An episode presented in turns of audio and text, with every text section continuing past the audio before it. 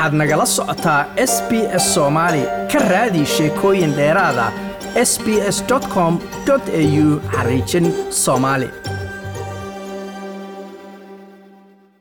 waxaa weli magaalada laascaanood ee xarunta gobolka sool ka socda raaf iyo musaafuriin ciidamada somalilan ay ku hayaan dadka soomaaliyeed ee ka soo jeeda bartamaha iyo koonfurta dalka soomaaliya iyadoona ayse soo tarayso cabashada iyo hadalhaynta ku aadan tallaabadaasi ay ku dhaqaaqday maamulka somalilan gawaari waaweyn oo sida dad gaaraya in ka badan kun ruux oo carruur haween iyo dhalinyaro isugu jirta ayaa laga soo qaaday magaalada laascaanood kuwa uu soo gaaray deegaanada maamul goboleedka puntland halkaasi oo lagu soo dhoweeyey gaar ahaan magaalada gaalkacyo qaybta puntland qaar ka tirsan golaha wasiirada ee maamulka puntland oo deegaanadeeda ay soo gaareen dadkaasi laascaano laga keenay ayaa ka shiray arrintan iyo waxa laga yeeli lahaa. Wasiirka arrimaha gudaha ee maamulka puntland maxamed cabdiraxmaan dhabancad ayaana saxaafadda ugu warbixiyey xaaladaha dadkii ugu dambeeyey ee gaaray puntland iyo waxyaabaha uga qorshaysan ka maamul ahaan.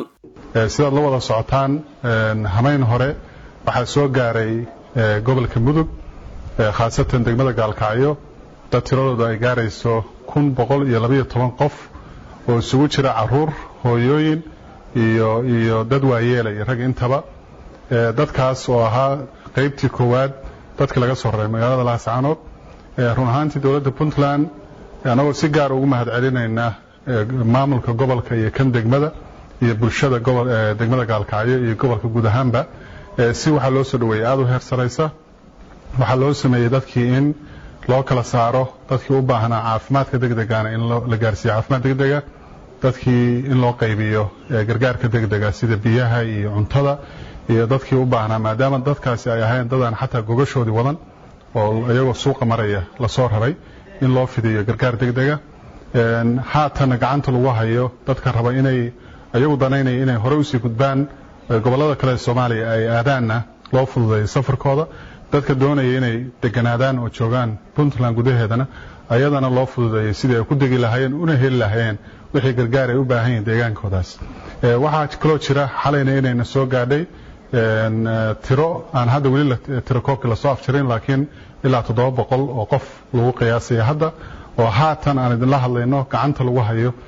magaalada xarfo gudaheeda meel la dejiyey oo baabuurtii laga dejiyey cunto iyo biyo iyo loo qaybinayo qorshuhuna yahaa iyagana sidaas si lamida in la weydiiyo ku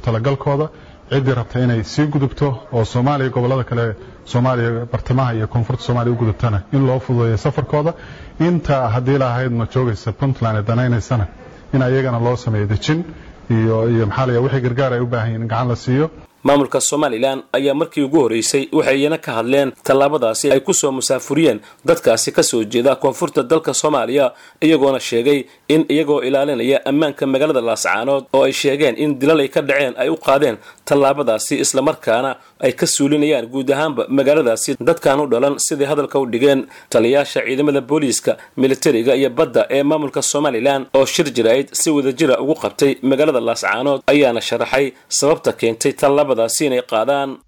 Magaalada laascaanood waxaa ka dhici jiray dilal qorshaysan oo aan ka dhicin dalka intiisa kale. Taas oo u eegeed ama ahayd mashruucan ka socda soomaaliya oo somalilan ka nabad qabto. Annagoo amniga u xil saaran waxaanu go'aansannay inaannu suulinno annagoo ilaahay la kaashanayna inaannu ka suulinno kansarka ee gobolka sool dhex fadhiya gaar ahaan magaalada laascaanood ee raggii haldoorka ahaa iyo hablihii haldoorka ahaa ee magaalada u dhashay ama somalilan dhammaanba ka koobnaa cid kastaba ha ahaadaane. Laynaya inaannu ka suulino ayaannu go'aansannay. Laascaanoodna noqoto insha allahu way noqone amnigeedu amniga ee caasimadaha kale ama magaalooyinka kale somalilan oo kale inay noqoto. Taasuu wafdigan u yimi waxaanu go'aansannay haddaannu amniga nahay inaannu wixii aan reer somalilan ahayn si aanu gunta u gaadhno amniga in magaalada ay ka baxaan iyagoo nabad qabana ay dalalkoodii u tagaan. Taa markaannu qaadnay tallaabadaa dad badan ayaa hadlay dad badan oo shaqo u taalla aan ahayn baa maaragtay fikrado kana ka bixiyey. Waxaan u sheegayaa dadkaas oo madaxda soomaaliya kow ka tahay amniga dalkayaga annagaa ka mas'uula. Cid aanu u daba fadhino ama aanu wax ka weydiinayno ma jirto waxaan leeyahy qolooyinka qaylqaylinaya magaalooyinkiina u taliya caasimadiinna u taliya mashruuca xamar ka socda ka socda. Laascaanood kama socon karo. Waa ka suulinaynaa waa ka tirtiraynaa. Rag badan oo haldoora ayaa lagu laayay oo ilaa lix iyo siddeetan qofa rag iyo dumarba leh. Si aan haddaba amniga waddankayaga u sugno oon u ogaano annagoon cidna waxba yeelin. Xushmad iyo ixtiraamna ugu hayno dadka reer baydhab iyo dad kale ajnebiga kaleba si sharaf leh aan amnigaygaan sogonaa si sharaf leh inay uga baxaan ayaanu go'aan ku gaadhnay cidna waxba maanaa yeelin cidna maanaa hagaardaamayn laakiin sharaf baan iskaga saaray si aan anagu amniga iyaga u xasilin. Dadka hadlayana markii horeba nabad bay ku noolaayeen. Hargeysay nabad ku joogaan burcay nabad ku joogaan. Ciddii nabadgelyo waddanka iyaga ku joogaysa anagu cidna u maanaan diidin. Laakiin ciddii marti edab xun noqotaa waa saarana. Maanta iyo berriba madaxweynaha dowlad goboleedka koonfur galbeed cabdulcasiis xasan maxamed laftagareen ayaa guddi kumeel gaar ah oo ka kooban ilaa iyo shan wasiir oo ka tirsan maamulkiisii u saaray xaaladaha dadkaasi laga soo masaafuriyey magaalada laascaano ee gobolka sool guddigaasi oo la sheegay inay gaari doonaan deegaanada puntland ee dadkaasi ay iminka ku sugan yihiin. Dadka sida weyn u dhaliilay tallaabadan ay qaaday somalilan ayaa waxaa ka mid a guddoomiyaha aqalka sare senator cabdi xaashi cabdulaahi waxaana uu wax laga xumaado ku tilmaamay go'aankaasi somalilan isagoona ugu baaqay inay ka laabtaan go'aankan maadaama aysan bulshada soomaaliyeed sina u kala maarmin. Waxaan ka xumaa oon aada iyo aada uga xumaa inaan maqlo labadan ish. Dad soomaaliyeed oo weliba dad danyar ah oo carruur leh oo dumar leh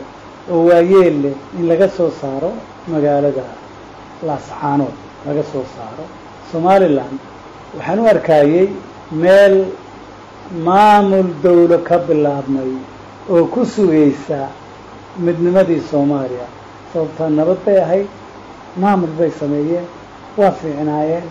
Kolka arrintani arrin aan anigu filayay ma aha. Marka fikirkaan maanta idinku yeerta anigu intaas inaan idhaahdo oon ugu baaqo madaxda somalilan iyagoo ku mahadsan nabadda iyo maamulka fiican ay hirgeliyeen inay arrintaa ka noqdaan oo ayna ahayn arrin dee u fiicanba. Soomaalina waxaan leeyahay ma kala maaranto laakiin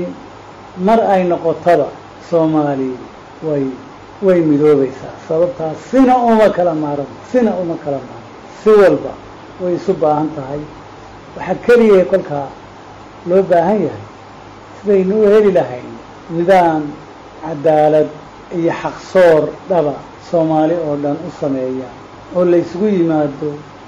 shir lagaga tashada arrintaa laga wada hadlo oo lagu heshiyo waan ka xumay maanta inaan ereyo maqlo dad yacni danyara oo dal magaalo soomaaliyeed laga soo saaray. Waan ka xumahay waxaanan aada iyo aad mar labaad mar saddexaad iyo mar afraadda ugu baaqayaa maamulka dowladda somalilan inay arrintaas ka noqoto.